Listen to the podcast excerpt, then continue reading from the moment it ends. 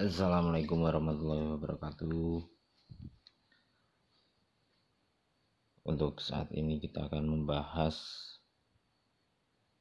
materi tentang ciri khas musik kontemporer di Indonesia.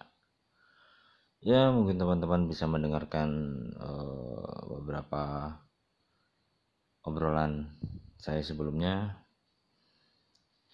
bisa melihat di profil ya. Yang pertama lanjut kita membahas tentang kembali ciri khas musik kontemporer Indonesia. Hmm, menggambarkan kekhasan-kekhasan musik kontemporer di Indonesia itu uh, walaupun hanya satu kelompok yaitu yang non karawitan tidak mungkin karena uh, pasti terdapat beberapa komponis yang menarik.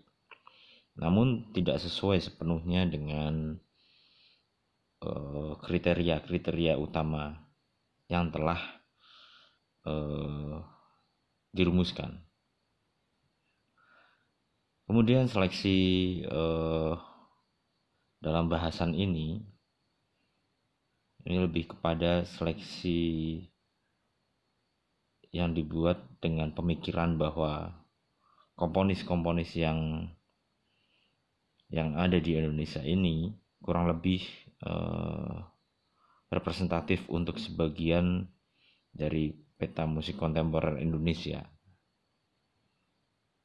Kalau suatu ciri khas kemudian dapat dikaitkan dengan satu orang saja, maka pasti terdapat beberapa di belakangnya yang juga harus disebutkan.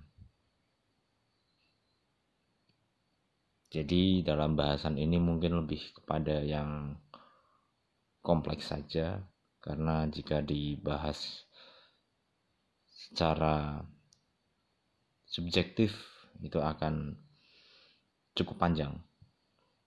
Dan yang pertama adalah keanekaragaman individual musik kontemporer di Indonesia barangkali tidak disangka sebelumnya oleh beberapa orang, terutama di tinjau dari peranan, kesadaran hidup secara individual yang masih belum menonjol sebagai uh, sebagai ciri khas budaya Indonesia.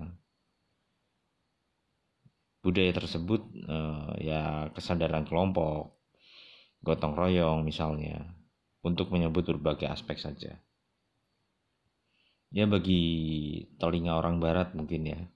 Khususnya yang orientasinya pada aliran uh, Wina kedua seperti Schoenberg, Webern dan komponis-komponis yang selanjutnya yang mengembangkan aliran ini aliran Wina yang kedua tadi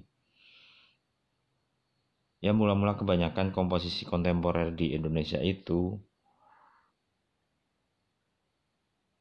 dirasa agak sederhana ya dalam pengkaryaannya.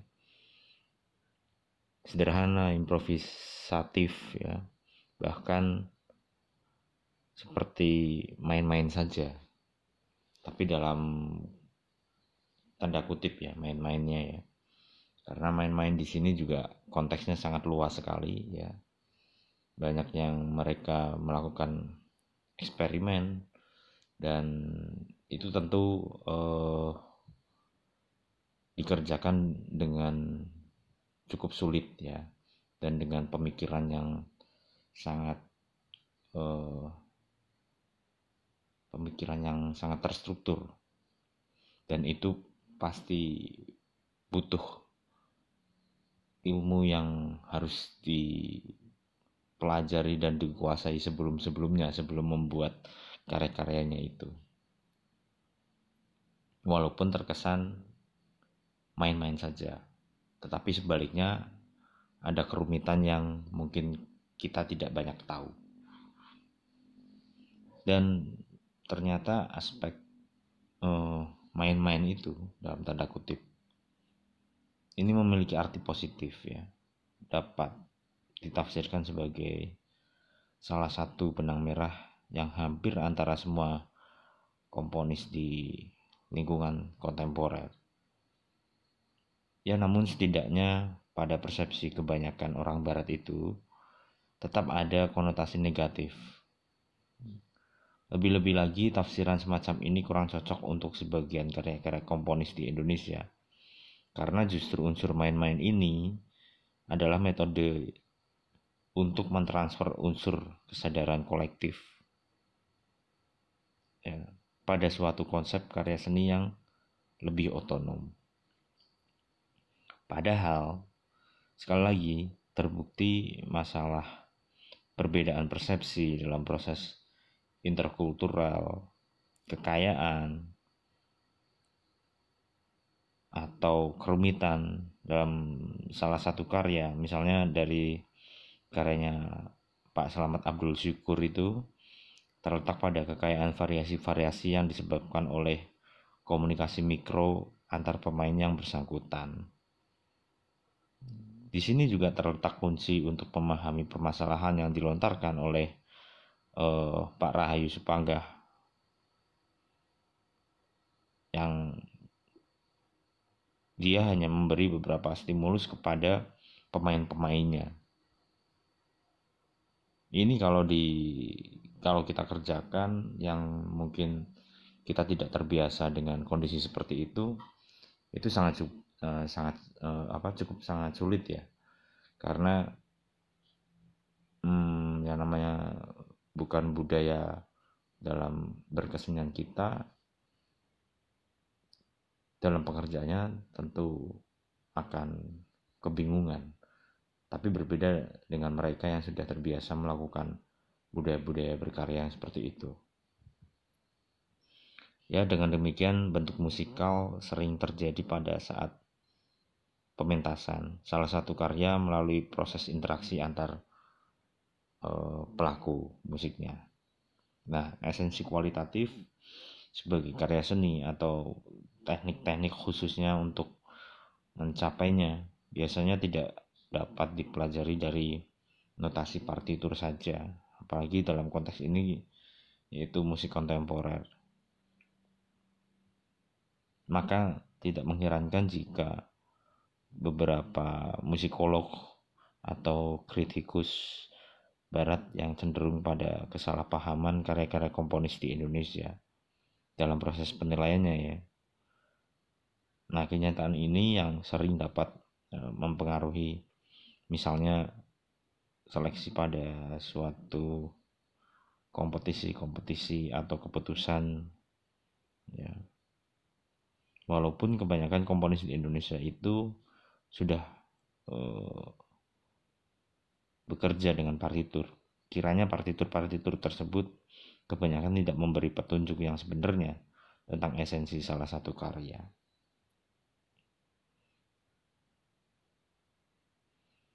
lanjut ke pembahasan yang berikutnya jadi masuk yang ke sebagai sampelnya yaitu karya-karya Pak Selamat Abdul Syukur ya, dengan pendidikan musik yang hampir sepenuhnya diperoleh dari barat ya.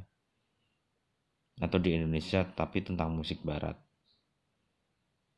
Pak Selamat itu tetap mengutamakan suatu prinsip kerjasama khas Indonesia yaitu kerjasama dengan musisi-musisi daripada memberikan sebuah partitur kepada mereka. Setelah diselesaikannya partitur tersebut walaupun juga terjadi bahkan gaya dan cara permainan dari Pak Slamet itu dan dengan beberapa musisi bisa menjadi stimulus ya. bahkan salah satu situasi yang buruk akan menjadi rangsangan bagi Pak Selamat untuk menggarap sesuatu. Jadi segala sesuatunya akan akan akan mungkin akan mungkin terjadi ketika di dalam proses penciptaannya itu. Nah, unsur uh, utama musik Pak Slamet itu adalah minimalismenya yang berkaitan erat dengan unsur pertama yaitu minimax. Minimal, minimalisme Pak Slamet tidak berhubungan dengan aliran musik minimal di Amerika. Jadi uh, aliran musik minimal ini Pak Slamet memiliki gayanya sendiri. Dan ini bertolak dari keyakinannya bahwa hiruk pikuk dunia masa kini perlu ditentang karena merupakan polusi akustik bagi manusia. Sensitivitas eh, pendengaran manusia semakin punah demi suatu level kekerasan bunyi yang tidak manusiawi lagi. Walaupun nampaknya banyak orang yang justru menyukainya. Pak Slamet ini uh, merasa perlu untuk memberikan sebuah alternatif di mana seorang apresiator ya dengan usahanya sendiri harus masuk ke dalam alam semesta bunyi-bunyian yang diciptakan oleh Pak Slamet. Nah, bunyi-bunyi itu memang kebanyakan terwujud pada perbatasan pendengaran. Tetapi justru dengan demikian membuka konsentrasi keterlibatan serta suatu medan kekayaan pengalaman yang menarik buat para pendengarnya. Mungkin begitu pembahasan episode kali ini. Lanjut di pembahasan berikutnya. Sampai jumpa di podcast Dadang Dusetian. See you.